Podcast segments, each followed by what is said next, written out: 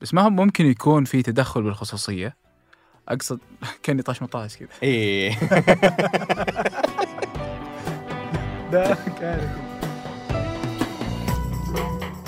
هذا بودكاست الفجر من ثمانية بودكاست فجر كل يوم. نسرد لكم سياق الأخبار اللي تهمكم. معكم أنا مازل عتيبي. وأنا ثامر السنيدي. أهلا فيكم. بالمناسبة نحب نشكركم على تفاعلكم اللي خلانا نوصل المركز الأول في أبل بودكاست فئة الأخبار. ترى ما زلنا نقرأ كل يوم آرائكم تعليقاتكم على الرابط الموجود في وصف الحلقة.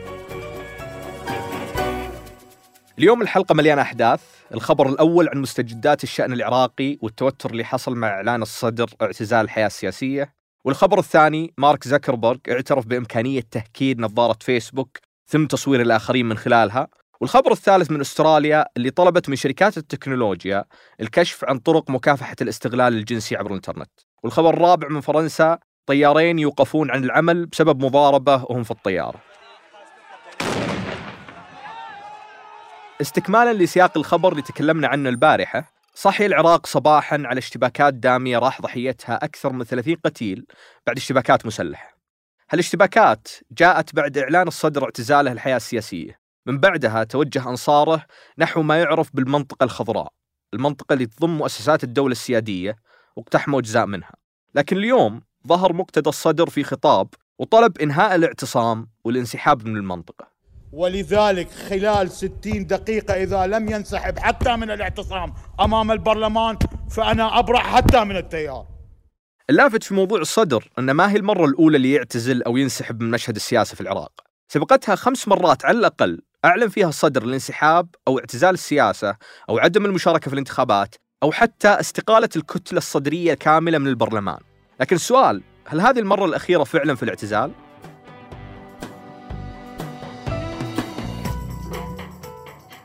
مارك زاكربرج رئيس شركة ميتا اللي هي فيسبوك وإنستغرام واتساب وغيرها اعترف إنه بإمكان الهكر البسيط تصوير الآخرين عبر نظارات الفيسبوك. شكل مارك يبي يدفع مخالفة ثانية وثالثة على سوالف اختراق الخصوصية ذي. تصدق صحيح؟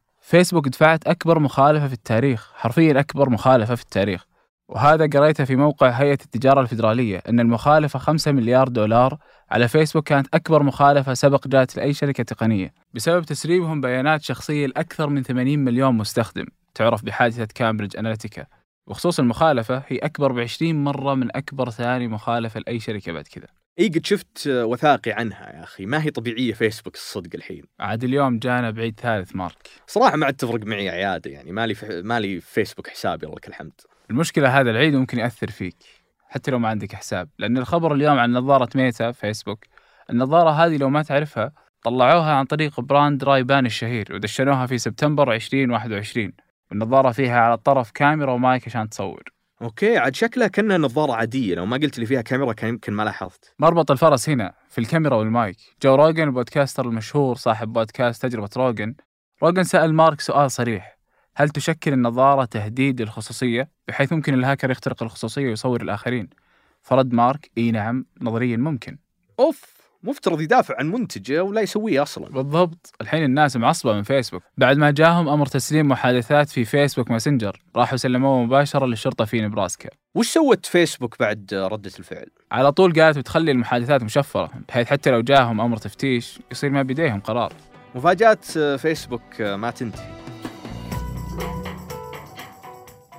استراليا تطلب من شركات التكنولوجيا تكشف مزيد من المعلومات حول طرقها في مكافحة مواد الاستغلال الجنسي المنتشرة في الإنترنت. يا أخي هذا الخبر ذكرني بشيء صار قبل فترة يوم هيئة الإعلام المرئي والمسموع طالبت من اليوتيوب أنه يقيد الإعلانات المخلة اللي تطلع للناس واليوتيوب استجاب لهم بالضبط، لكن في استراليا مفوض السلامة الإلكترونية هو المسؤول عن تطبيق القانون عندهم. مفوض السلامة الإلكترونية وش الوظيفة؟ إي هذه وظيفة موجودة في استراليا. آه، ترى حتى قبل فترة أستراليا أقرت قانون حول التنمر الإلكتروني على البالغين واللي يطبقه هو مفوض السلامة الإلكترونية. يعني لو نزلوا منشور يتنمرون عليك هو اللي يطلب من المنصة أنها تزيله. المهم أن المفوض طلب من شركات التقنية مثل ميتا وآبل ومايكروسوفت وسناب وغيرها بالكشف عن كيفية مكافحتها لمواد الاستغلال الجنسي وهل هم فعلا يحدون منها أو لا.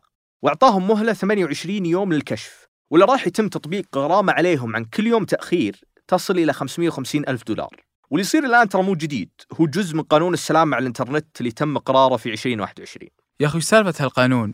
لأني قد سمعت إن أستراليا قررت قانون يستهدف شركات التواصل الاجتماعي بس ماني بذكره بالضبط. هذا يا طويل العمر هدفه خلق بيئة إنترنت آمنة بقدر المستطاع للإسرائيليين. الحد يعني من المنشورات والسلوك السام والضار. القانون يخلي مقدمي الخدمات نفس الشركات تحت طائلة المسؤولية في مكافحة هالنوع من المحتوى من ناحية مراقبته حذفه والتجاوب السريع مع الشكاوى.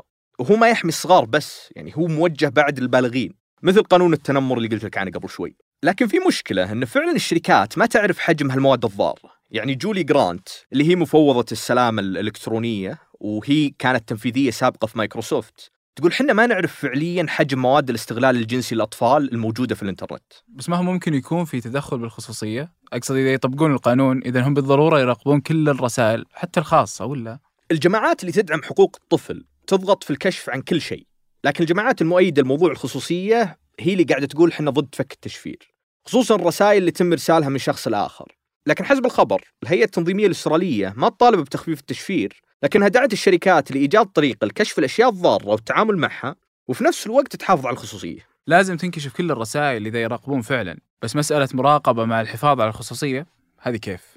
الصدق ما هي واضحة لكن ترى هالإجراءات ما هي من أستراليا بس. في توجه لدول غربية ثانية أنها تجبر الشركات على التعامل مع موضوع الاستغلال الجنسي للأطفال على الإنترنت. حتى أستراليا في 2021 طلعت قانون يلزم فيسبوك وجوجل بالدفع مقابل المحتوى الإخباري ووقتها هددت جوجل بسحب محرك بحثها من أستراليا لكنها تراجعت. ويروح عليهم جوجل. إيه.